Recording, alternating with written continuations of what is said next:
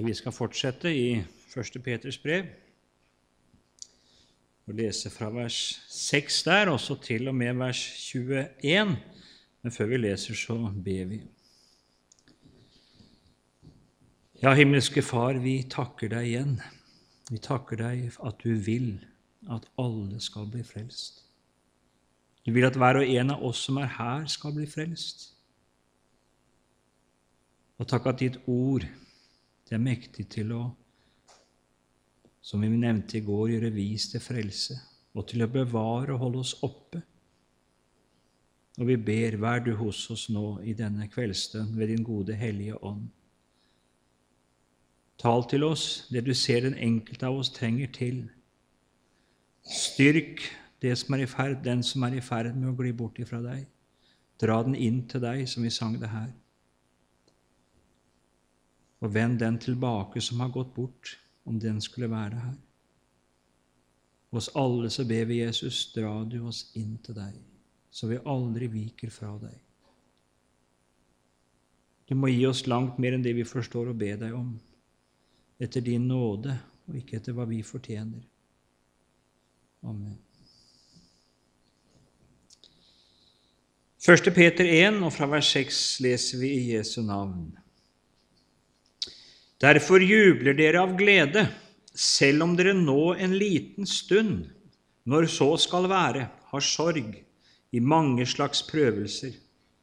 Dette skjer for at deres prøvede tro, som er langt mer kostbar enn det forgjengelige gull, som jo lutres ved ild, skal finnes til lov og pris og ære ved Jesu Kristi åpenbarelse.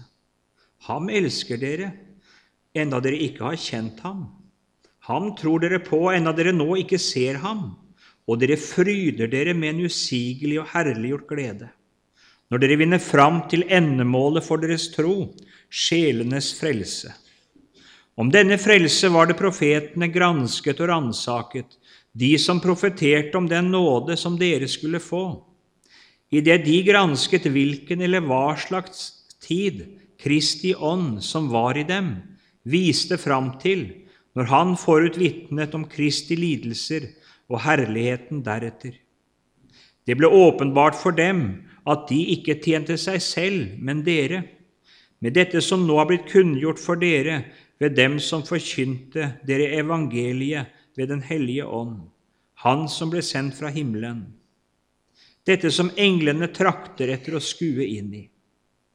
Bind derfor opp om dere, om deres sinn, vær edrue og sett dere såp fullt og fast til den nåde dere får i Jesu Kristi åpenbarelse.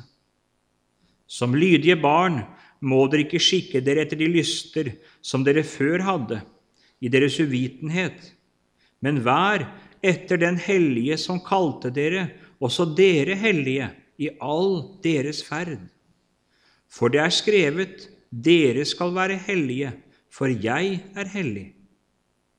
Når dere påkaller som far ham som, han som dømmer uten å gjøre forskjell, enhver etter hans gjerninger, da ferdes i frykt i deres utlendighetstid.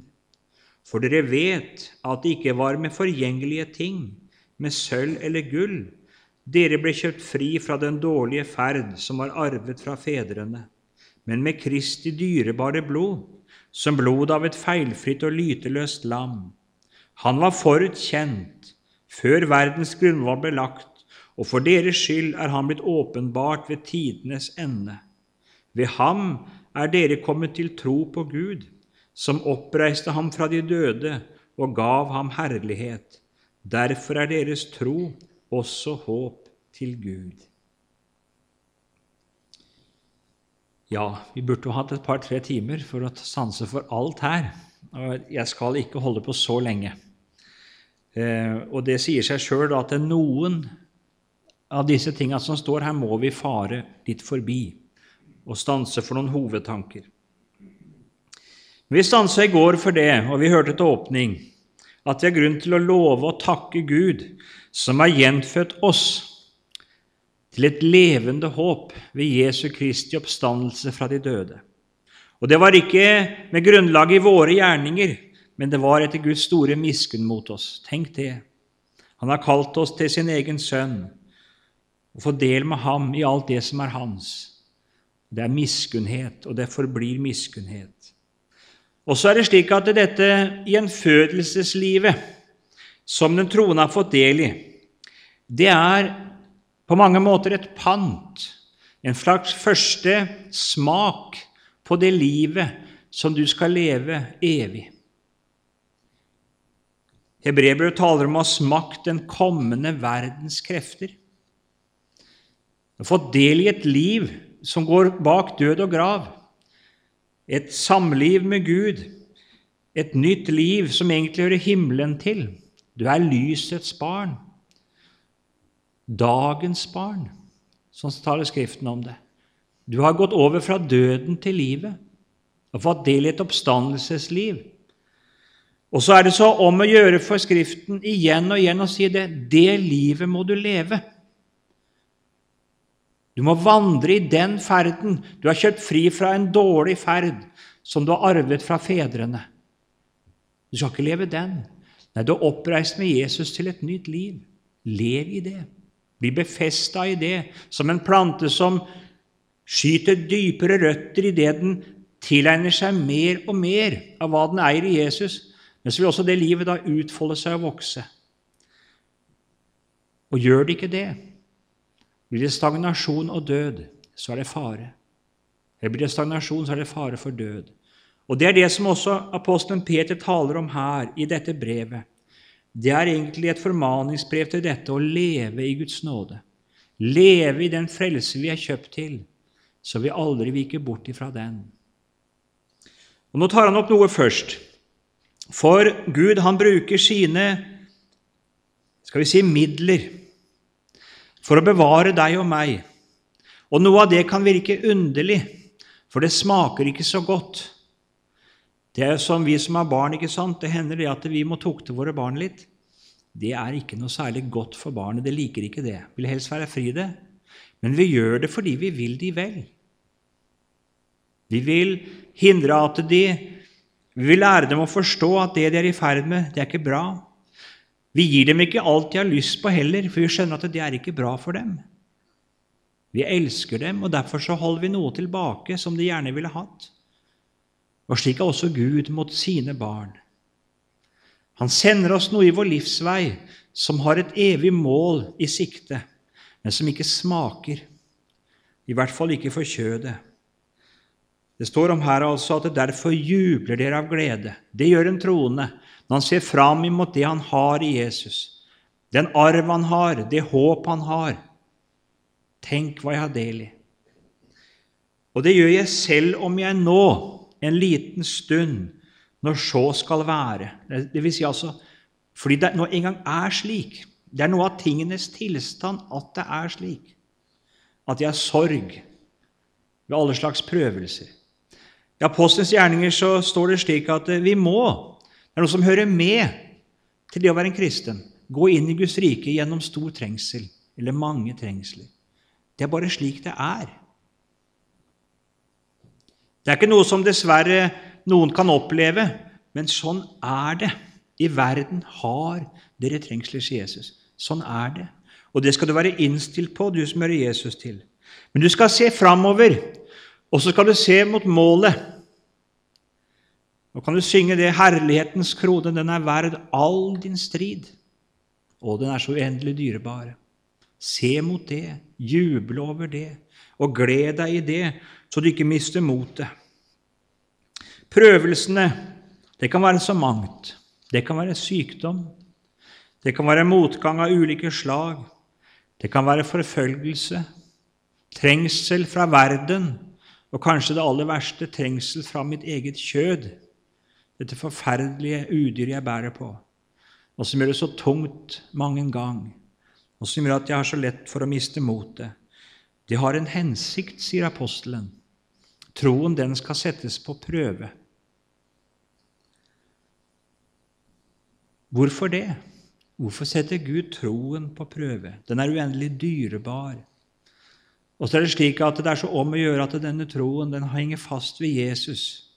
Og så er det sånn med deg og meg at selv om jeg har kommet til tro på Jesus en dag, så er jeg slik av natur at jeg vender meg snart hit og dit. Vi for alle vill som får, vi vendte oss hver til sin vei. Den ene til verslighet, den andre til hovmot, den tredje til mismot, og hva det så er. Og vi har så lett for å ta ut. Snart stoler vi på våre egne krefter, vår egen makt. Vi stoler på vår, våre penger. Vi stoler på et eller annet. Og så lenge alt går med, så ser det ut til at det vi da setter vår lit til, at det holder. Og så tar Gud og rokker ved det. Det som vi har gjort til våre krykker, på mange måter som vi holder oss oppe med, så slår han de bort for oss. Og så prøves det om det finnes en tro på Han der, eller om den har blitt borte på veien. Jeg skal nevne to personer i Skriften. Begge ble prøvet. Ingen av dem besto prøven ytre sett, og likevel var det én som besto. Og det er kong Saul, og det er apostelen Peter. Saul han ble prøvet. Han var jo liten i sine egne øyne da han ble konge, og så ble han større. Og så lar Gud han prøve. Samuel har lovet å komme. Det er krig mot filistrene, men så venter Samuel. Folket blir utålmodige, og de begynner å gå. De er redde. Og så begynner de å gå, og Saul blir redd, for han stoler egentlig på folket. På sin egen militære makt setter han sin lit til. Og når de begynner å gå, så tenker han jeg må gjøre noe. Og så venter han ikke, slik som han hadde avtalt med Samuel. Og så ofrer han. Og så åpenbares det egentlig noe som har skjedd lenge i Sauls liv. I det ytre så tjener han Gud, i det ytre så ber han til Gud, men han har slutta å stole på ham. Han har begynt å stole på seg sjøl. Og Samuel åpenbarer det, at han egentlig har forlatt Herren i sitt hjerte. Og Så viste Saul sin tro seg. Den viste seg å være død. Den hadde avgått med døden. Og det alvorligste var han visste det ikke. Han visste det ikke, det står det. Guds ånd hadde veket fra ham, og han visste det ikke. Han trodde han var en troende. Men i prøven så viste det seg det at han trodde ikke på Gud. Han trodde på seg selv, sin egen makt og på sitt folk. Peter han var inne i ildprøven i yppersteprestens gård, og han besto ikke prøven, han eller ytre sett. Han fornektet jo sin Herre og Frelser. Han hadde sagt det altså at eh, han elsket Jesus mer enn de andre. Om de fornektet, så skulle ikke han. Om de sviktet, så skulle han stå. Med den tro og kjærlighet som Peter hadde gitt uttrykk for, hva hadde det sin grunn i? Jo, det hadde sin grunn i en veldig tillit til han selv. Til hans egen kristendom, til hans egen vilje, til hans egne, egen beslutning. Men i prøvens stund så viste seg det at det holdt ikke. Det var ikke dekning for disse store ordene. Det var ikke det. Men når dette gikk under, hva skjedde med Peter da? Jo, da viste seg det at det dypest i han så var det en avhengighet av Jesus som kommer fram så mange ganger i hans liv. Herre, hvem skal vi gå til? Du har det evige livs ord. Hvem skal vi gå til? Når hans eget gikk under, så var det noe som var igjen. Det var noe som hadde brent opp i ildprøven. Det var hans eget. Men så var det noe som var igjen. Herre, du vet det, jeg har deg kjær. Og Det var slik at han hadde fått se det at det, når han hadde falt og sviktet så mye, da hadde han mer bruk for Jesus enn noen gang. Nå var det hans eneste redning at Jesus ikke sviktet ham, at Jesus var en frelse for en slik som ham. Nå kunne han mer enn noen gang ikke leve Jesus foruten. Han sa det tidlig i sitt liv, Peter, da han opplevde et fiskeunder. Så sa han det, 'Herre, gå fra meg, jeg er en syndig mann'. Han mente kanskje det at det seinere Jesus, når jeg får litt mer orden på ting og skikk på ting, da skal jeg følge deg, men ikke nå. Når han opplever dette underet ved Genesaretsjøen etter Jesu oppstandelse, når han svikta så dypt, så sier han ikke 'Herre, gå fra meg'. Hvorfor sier han ikke det? Jo, for han vet det at går du fra meg nå, så er jeg redningsløst fortapt. Så nå er hans håp det at Jesus er en frelse for en slik som ham. Nå er troen sterk hos Peter, for nå har den bare Jesus. Nå har hans egen tro, hans egen kjærlighet og hans egen fasthet Det er ute med den, for det holdt ikke. Nå er det bare Jesus, at han tar seg av en slik som ham. Så når Gud prøver vår tru, så er det som om trua vår går under mange ganger. Det er sånn. Det er som det aldeles går i stykker for oss, og vi tenker det altså at nå går det inn, bare inn i mørket. Men hvorfor det? Jo, for at din tro ikke skal være grunnet på deg og ditt, men på ham. Det koster det. Det gjør ikke godt. Han tukter oss som barn, sier han, som sønner. Han gjør det for at vi skal henge fast ved ham. Og først da blir troen fast når den griper om Jesus og har sin grunn i ham og hviler i det han er og han har gjort, da blir troen fast. Og Dette hadde virket også hos disse som Peter skriver til her. og Han sier det han elsker dere. Enda dere ikke har kjent ham, altså De hadde ikke møtt Jesus personlig, og likevel så elsker de ham, fordi han er deres frelser. Han tror dere på, enda dere nå ikke ser ham, og dere fryder dere med en usigelig og herliggjort glede når dere vinner fram til endemålet for deres tro, sjelenes frelse. Og Her antyder apostelen hva som er hensikten med prøvelsen. Det er et mål der framme. Vi er ikke blitt kristne for å få det lettere i denne verden. Tror vi må understreke det.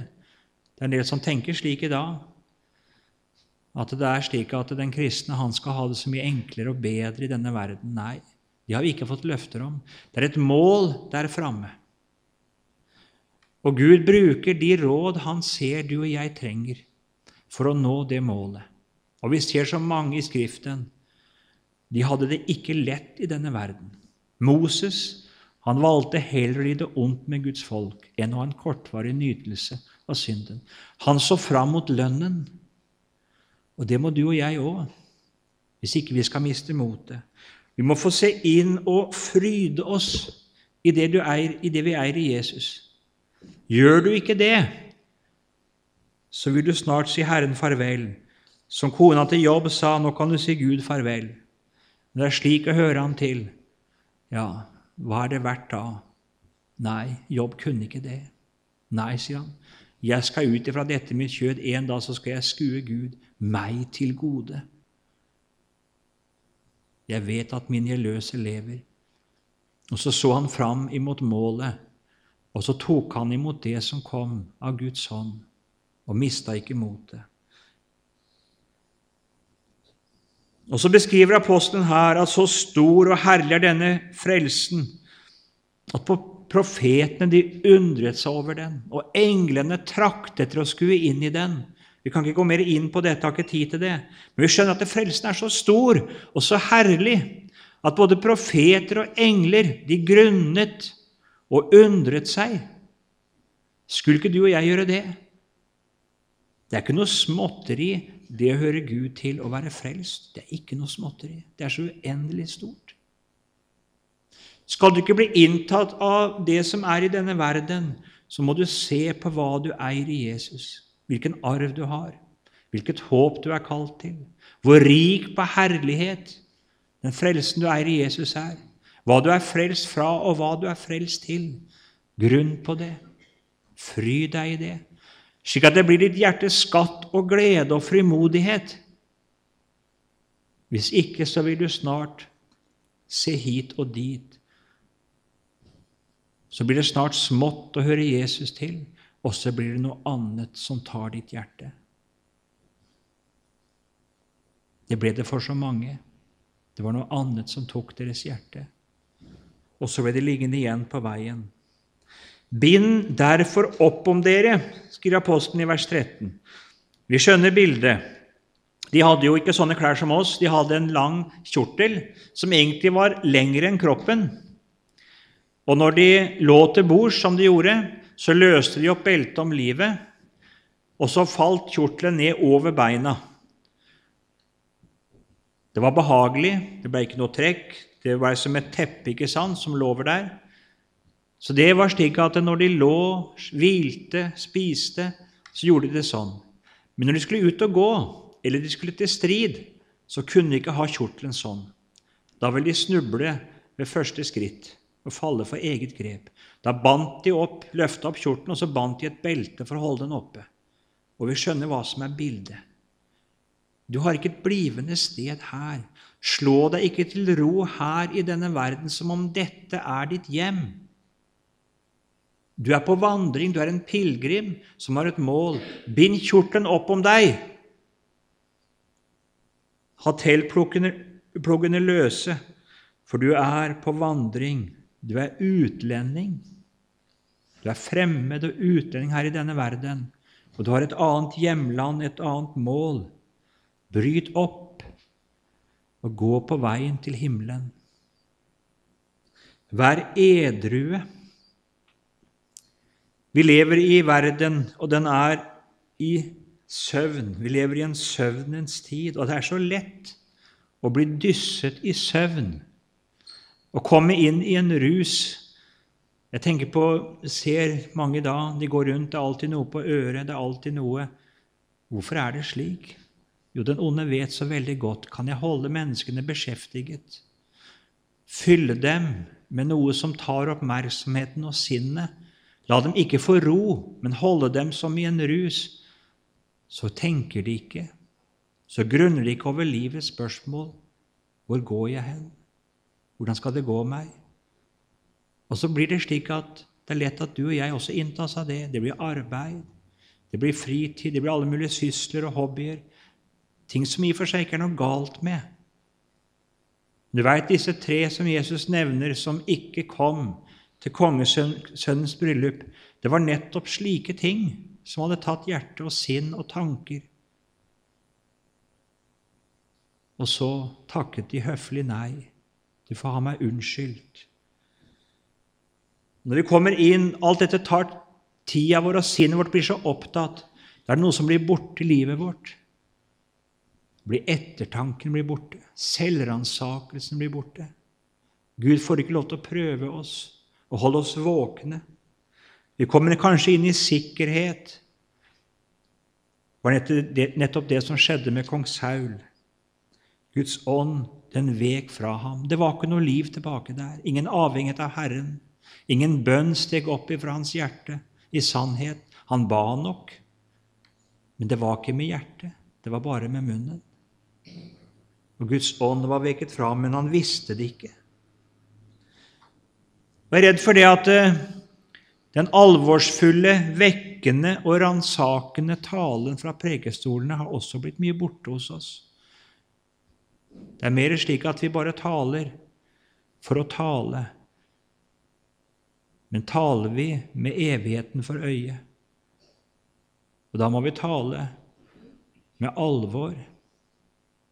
For det er noen som blir liggende igjen på veien, og de skal vekkes.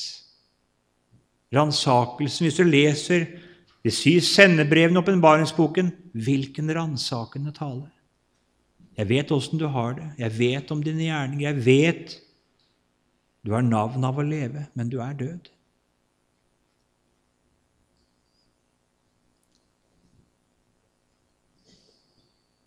Det er aldri godt å bli vekket. Jeg har noen barn, og det hender jo det at de har sovna, ikke bare om natta. Det er tungt nok å bli vekket om morgenen, men av og til så har de sovna midt på dagen. Så skal du vekke de da, og de kan bli sinna. Det er så godt å sove. De er trøtte, og så har de sovna litt, og så vekker du de, og så blir de sinna. Det er ikke godt. Vi vil helst sove videre. Og sånn er vi natur. Det er noe deilig med søvnen og rusen. Og vi vil helst ikke vekkes ifra den. Det er en sløvhet der som vi faktisk trives i. Og sånn kan det også gå oss som Guds folk. Det står om profeten som talte 'fred, fred', Og så sier Gud, 'Og mitt folk vil gjerne ha det slik'. De vil gjerne ha det slik. De vil ikke ha den vekkende, ransakende, sakende profetiske røst. Men vi trenger den for å holdes våkne, edrue, i stand til å se sant på situasjonen. Sett deres håp, fortsetter han, fullt og fast til den nåde dere får i Jesu Kristi åpenbarelse.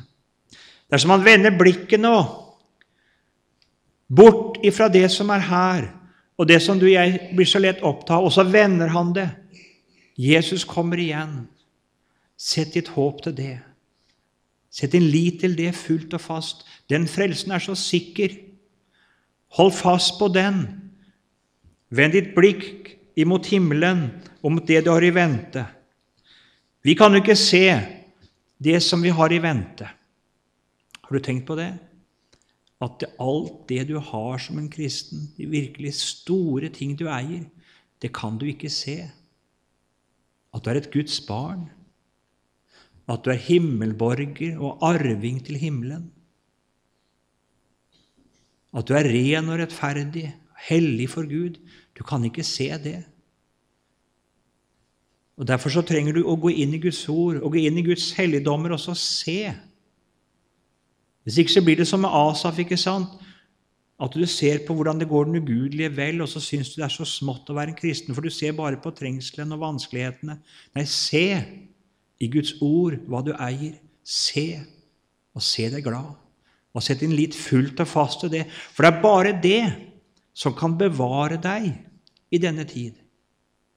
Han synger det brorson når himmelen blir oss lys og kjær og yndig, se da blir Herrens hær i striden myndig. Det får koste hva det vil, men jeg vil hjem til himmelen. Det er bare evangeliet som kan skape en sånn fasthet i hjertet. Og så fortsetter han, som lydige barn må dere ikke skikke dere etter de lyster som dere før hadde, i deres uvitenhet. Du som har kommet til tro på Jesus, du har blitt Guds barn, født av Gud. Og da har det kommet noe aldeles nytt inn. Noe som ikke er av natur. Du har blitt født av Gud. Da har du fått et sinn som er av Gud. Du har fått et, en trang etter det som hører Gud til. En lyst, sier apostelen Paulus, etter Guds lov i ditt innvortes menneske. Det er nemlig slik at eh, Gud har latt noe av seg selv, hans sinn, hans kjærlighet, bli utøst i våre hjerter. Jeg fikk alltid høre da jeg var liten, at eh, jeg bør ikke si hvem du er, du ligner så for din far, så det vet vi hvem du er. Du, tenk, du som er født av Gud, det skulle være sånn med deg. Du bør ikke si hvem du er. Det merker vi. Det merker vi. At du har et sinn som ikke er av denne verden. Du har et sinn som er født av Gud.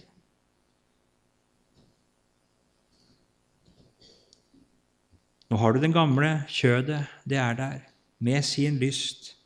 Det må du bære på og slite med hele livet. Men fått, du har fått noe nytt, og så formanes du her.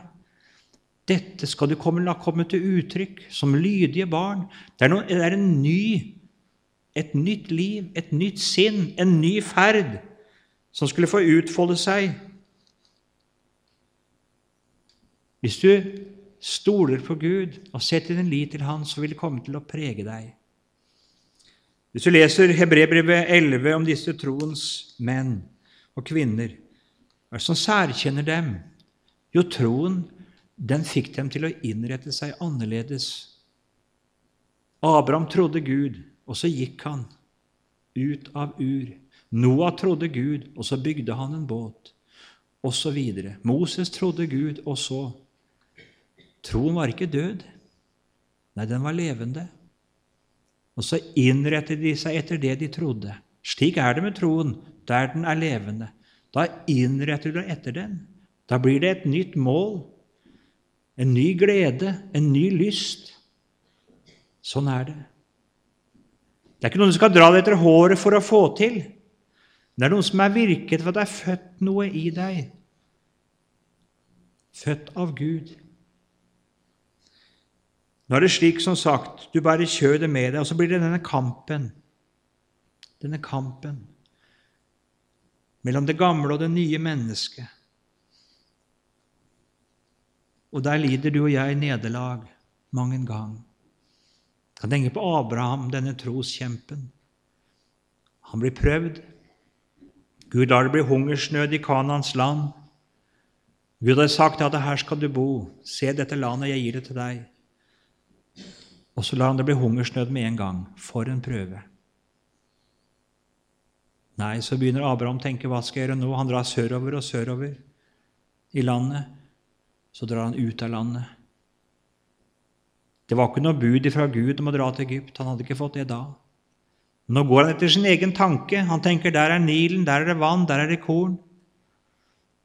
Men nå er han på egne veier, og han sier til Sara nå må du si at du er søstera mi.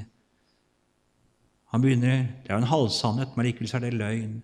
Det er egen fornuft og egen tankegang, og det blir bare elendighet ut av det. Nå er han ikke på troens vei, nå er han på sin egen fornufts og sin egen krafts vei. Og fra Egypt så får han med seg Hagar. Og Hagar blir på mange måter bildet i Abrahams liv. Det blir bildet på fornuften og kjødet og egenevnen. Og så ser vi det seinere i hans liv. Når han kom på prøve, så går han inn til Hagar. Istedenfor å sette sin lit til Herren. Og Sånn er det så lett med deg og meg òg, at vi går inn til Hagar, billedlig talt. Vi setter vår lit til vårt kjød. Og så kan vi nok sette i gang noe og få noe gjort, men ikke i tro og tillit til Herren, men i tro og tillit til vårt eget. Men det var ikke det vi var kalt til. Vi var kalt til å vandre i tro og tillit til Herren. Og det fører med seg noe. Tenk på det. Du tror det at Gud vil sørge for deg. Det skal du få lov til å tro, at Han tar seg av din sak. Da skal du slippe å hevde deg selv. Og det er så fristende å gripe til kjødet når jeg ser ut til å lide nederlag i denne verden, og baktale litt, for jeg vil gjerne ha noen med meg mot den og den. Og så griper jeg til kjødet, går jeg inn til Hagar, billedlig talt. Istedenfor å sette min vei i Herrens hånd og stole på Han at Han skal gjøre det. Det er jeg kalt til. Han skal sørge for meg også når det gjelder alt som heter min økonomi. Ja, men så blir jeg frista kanskje til å stole på det. At hvis jeg tar noen snarveier, så skal jeg nok få det. Hvis jeg selger den bilen som jeg vet er noe feil på, så selger jeg den uten å fortelle om det, for jeg må ha litt mer penger. Og så fristende å gjøre mange slike ting. Men sett din vei i Herrens hånd.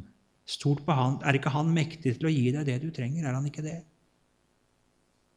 Og som på alle livets områder, den som tror på Herren Jesus, setter sin lit til Gud, at Han tar seg av min sak, han fris ifra selvhevdelse. Han fris ifra løgn. Han fris ifra mulige, all mulig kjødelighet, fordi troen den har det med det, at den setter sin vei i Herrens hånd. Vantroen er mor til alle synder. Da griper jeg og holder kjød for min arm, som min arm, og stoler på det. Men sett din lit til Herren og gjør godt. Vær etter den hellige som kalte dere, også dere hellige, i all deres ferd. For det er skrevet, dere skal være hellige, for jeg er hellig. Troens og nådens liv, det viser seg i hellig ferd.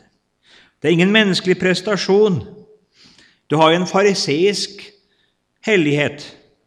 Den kjennetegnes på ytre ting, klær og mat og mange sånne ting. Det kan du bestemme deg for, og så kan du få det til. Det er ikke det vi taler om her.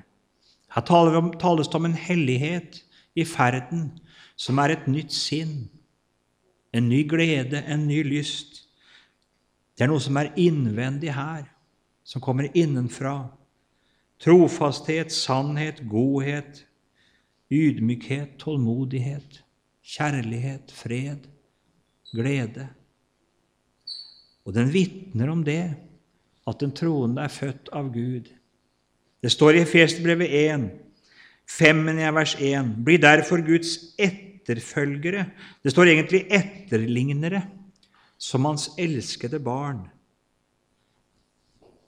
Det nytter ikke å gi den formaningen til en fariseer eller til et ugjenfødt menneske, for du kan ikke ligne en som du ikke er født av.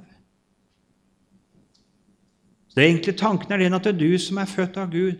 Nå skal du leve dette livet, for det er skapt etter Guds bilde, i den renhet og hellighet som er av sannheten. Lev det. Lev det ut, slik at du kommer til å ligne din far. Er du fremmed for dette? Er du fremmed for det? Å ha din lyst i Herrens lov? Er du fremmed for det? Å ha din glede i Hans veier? Er du fremmed for det? Sinn, den kjærlighet, den fred, den barmhjertighet og godhet som Bibelen kaller åndens frukt og troens frukt. Er du fremmed for det? Er det slik at det er et ork å være en kristen og følge Herrens bud og Hans veier? Et ork å ligne Han? Da må du omvende deg. Da må det være det at du ikke er født av Ham. At din kristendom bare er ditt eget verk, og da blir hele kristenlivet en tredemølle, et forferdelig ork. Og det skal jeg love deg, det blir det da. Men har du fått del i frelsen i Jesus, gleden over å høre Han til, ja, så blir det slik. Å, nærmere, Herre Jesus Kristus, deg. Nærmere hva enn det koster meg. Nærmere i morgen enn i går. Nærmere, og Herre, år for år. Og var jeg mer deg Jesus lik? Det er hjertetrangen hos den som lever med Jesus. Når dere påkaller som far han som dømmer uten å gjøre forskjell, enhver etter hans gjerninger, da ferdes i frykt i deres utlendighetstid. Tenk det, at jeg skal få lov til å påkalle himmelens Gud som min far.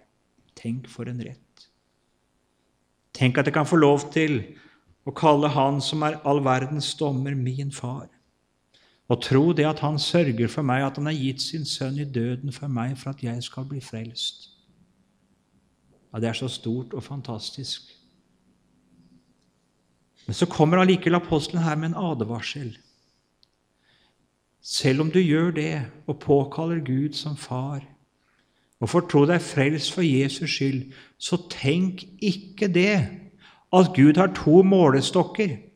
Én målestokk for sine barn og en annen for verdens barn. Tenk ikke det at han skal se lettere og mer gjennom fingrene med dine synder enn med denne verdens synder. Tenk ikke slik. Sånn kan jo noen foreldre være, ikke sant? At de holder hånda over barna sine, og så klager de bare på de andre. Nei, slik er ikke Gud.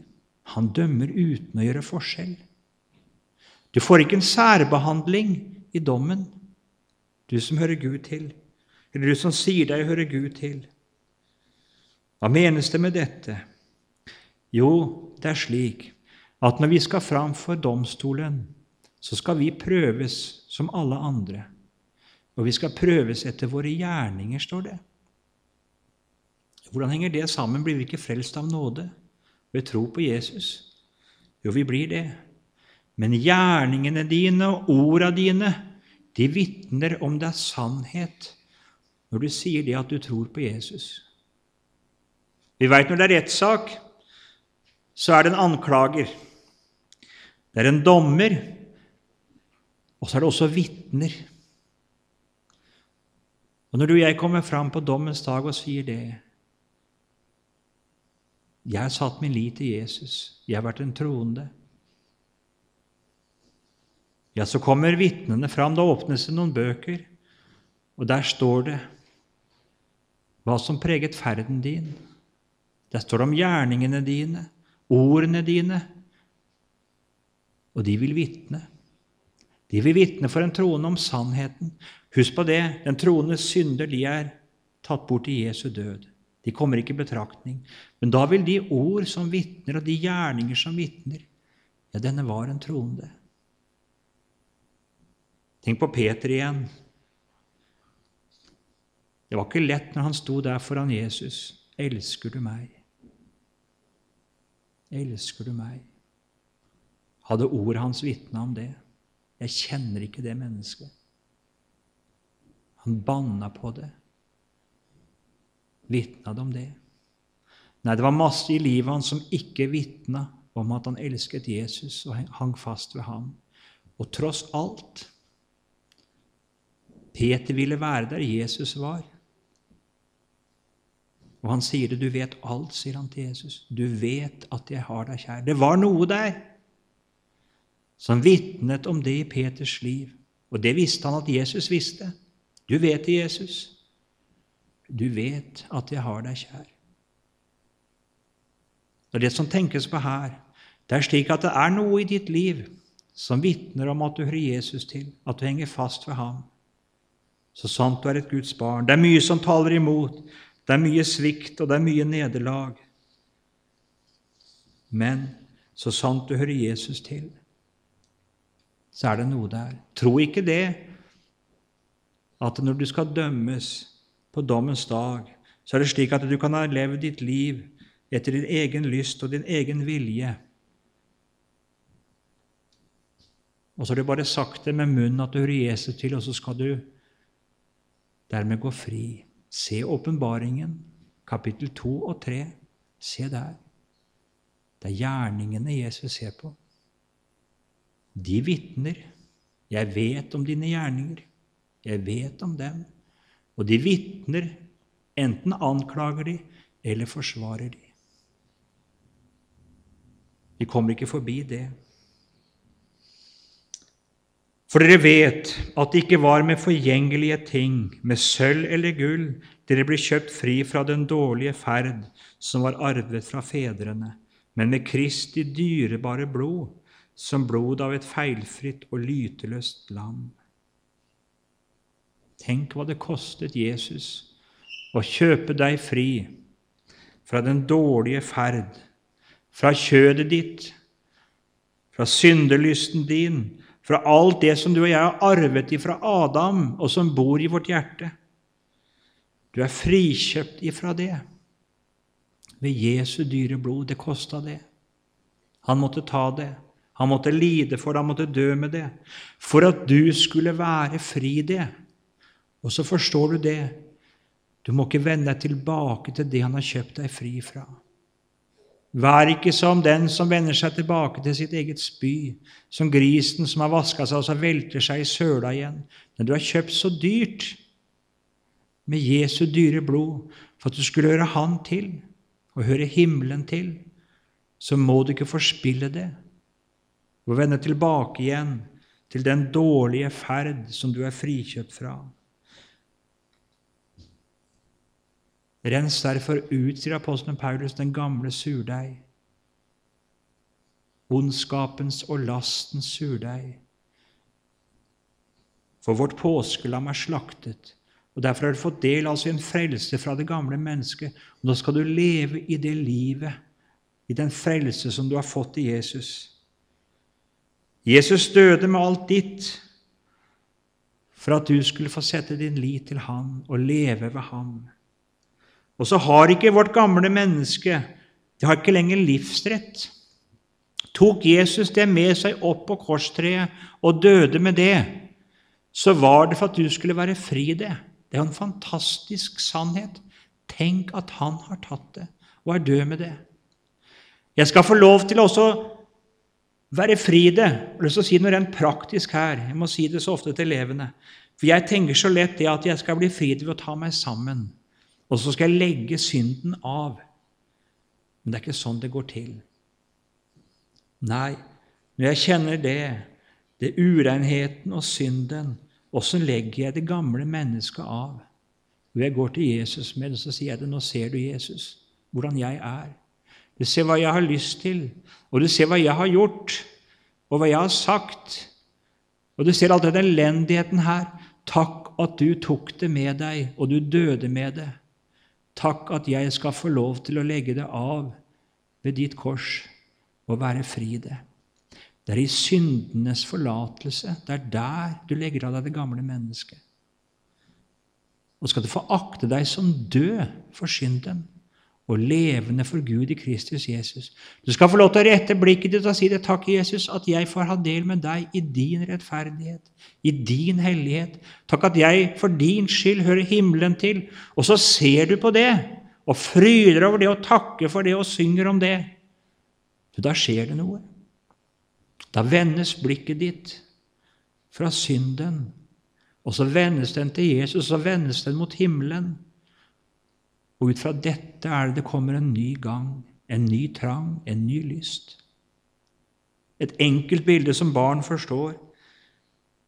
Se på synden, og tenk det, nå skal jeg slutte med det, nå skal det bli alvor, nå skal det bli Ja, det er omtrent som å se på Når du lærer å kjøre bil, ikke sant, eller skal sykle, og så sier at ikke sykle, ikke kjør i det hølet der i veien. Jeg sier, er datteren som skal kjøre bil, og jeg sier ikke kjør der. Skal aldri si det, for da kjører hun helt sikkert i det hølet. For da ser hun på det, og så styrer hun bilen rett i det. Det er helt sikkert. Da skal jeg si se langt fram der, og så kjører du, og så sikter du der framme. Og Sånn er det også den troende. Hvis du ser på synd og tenker at 'jeg skal aldri gjøre det mer', 'nå må jeg ikke gjøre det mer', og da får synden makt. Men se på hva du eier i Jesus, at du har kjøpt fri fra synden. Se på hva du har i himmelen, og fry deg i det, og få blikket ditt mot det. Da mister synden sin makt, og Jesus, han får plass. Så får du og jeg prøve oss selv. Vi formanes til det. Hvordan er det? Vitner livet mitt om det? At jeg har himmelen som mål? Vitner livet mitt om det, at jeg har min glede i Jesus og i Hans frelse? Er det det jeg søker? Er det det jeg tenker på? Er det det som bestemmer livets mange valg? Er det det? La oss ikke undre oss når Jesus kommer sånn og sier det 'Jeg vet om dine gjerninger'. Jeg vet. Jeg vet det. Det var godt om vi ble stille da, så han fikk tale. Så jeg har lyst til å si det som et personlig vitnesbyrd. Jeg taler ikke om dette fordi jeg synes at dette har jeg tak på. Det er ikke lett å tale. Det er ikke lett å tale høyt om sin tro og Guds frykt når en leser første Peters brev. Dersom en spør seg er jeg i det hele tatt en kristen. Og en kjenner seg igjen med Peter der han står ved Genesaretsjøen og får Jesus svar. Jesus spørsmål, 'Elsker du meg, Peter?' Gjør du det? Elsker du meg? Har du meg kjær?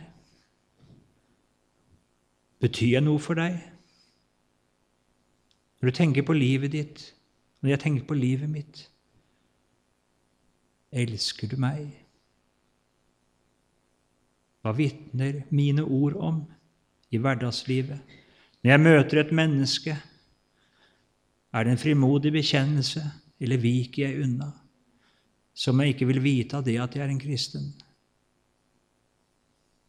Når jeg møter en korsvei, og fristelsen står der, hvordan er det da? Vitner om det at jeg hører himmelen til, og så går jeg på sannhets sti alt ondt forbi til himmelen sorgenfri. For jeg er så dyrt kjøpt at han kan bare stå der, den onde. Men nei, nei, den vei til pølen går jeg ei, som synger Brorson. Er det slik i mitt liv?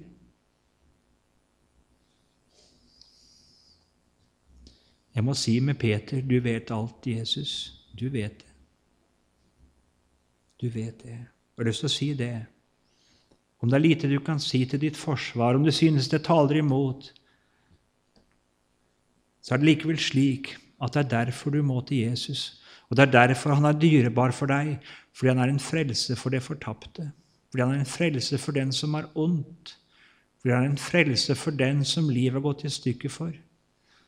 Er det derfor du må til Han? Igjen og igjen og igjen. Så kan du si med Peter, du vet alt. Du vet at jeg har deg kjær. Han kjenner dem, sier han, som tar sin tilflukt til ham. Han kjenner dem. Og skulle du være her, så vet det at det sannheten, den er det. Jeg elsker ikke Jesus. Jeg gjør nok ikke det. Jeg har nok navn av å leve, men jeg er død. Da er det fantastisk, det, at Jesus taler nettopp slik til deg fordi han vil at du skal bli frelst. For han står der med åpne armer og sier, 'Kom, kom til meg'. Jeg har lyst til å si det. Vi må ikke være redd, og vi må ikke ha imot det når Jesus går oss inn på klingen. For det er nettopp da han er der som den gode far. Som tukter, Gud er som den gode far som tukter sitt barn. Da er han som sjelelegen, og han vil helbrede. Han vil inn. Han står der utenfor Laudikea-menigheten. Han vil spy dem ut av sin munn, sier han. Men så sier han det til den samme menighet. Se, jeg står for døren og banker. Han vil inn der, og han vil frelse. Tenk, han er slik. Så la oss høre Guds ord og ta det til vårt hjerte. La oss ta vår tilflukt, hvordan det enn er med oss, til Jesus, og sette vår lit til den nåde som skal åpenbares når Han kommer. Hvilken nåde er det? Jo, det er en frelse for hver den som setter sin lit til ham, som venter på ham, som har sitt håp til ham. Og så sier apostelen Paulus i 1. Korinterbrev kapittel 11.: Dersom vi dømte oss selv, ble vi ikke dømt. Men når vi blir dømt, da er det Herren som refser oss for at vi ikke skal bli fordømt sammen med verden. Det var godt om det ble holdt dommedag og bråtebrann i livet ditt her i tiden, så du kunne komme til Han som har nåde og syndenes forlatelse å gi mens det ennå er tid. For det kommer en dag der nådens tid er ute. Så det var godt om vi dømte oss selv her og talte ut med Jesus, slik som Peter fikk gjøre det ved Genesaretsjøen. Og så kunne alt bli godt. For han du har å gjøre med, han er synderes venn og frelser. Ja, kjære Jesus, så får du tale med oss den enkelte, du som vil at vi skal bli frelst. Og så skjærer du av og til skarpt i oss, og så spør du oss nærgående så vi vet verken ut eller inn. Men takk at du gjør det. For du vil, du vil, at vi skal komme til deg ikke først og fremst med våre seire, men med våre nederlag og vår skam. Det var derfor du kom. Du kom for å ta det og bære det for oss, så vi skulle ha vår ros ikke i vårt, men i deg. Amen.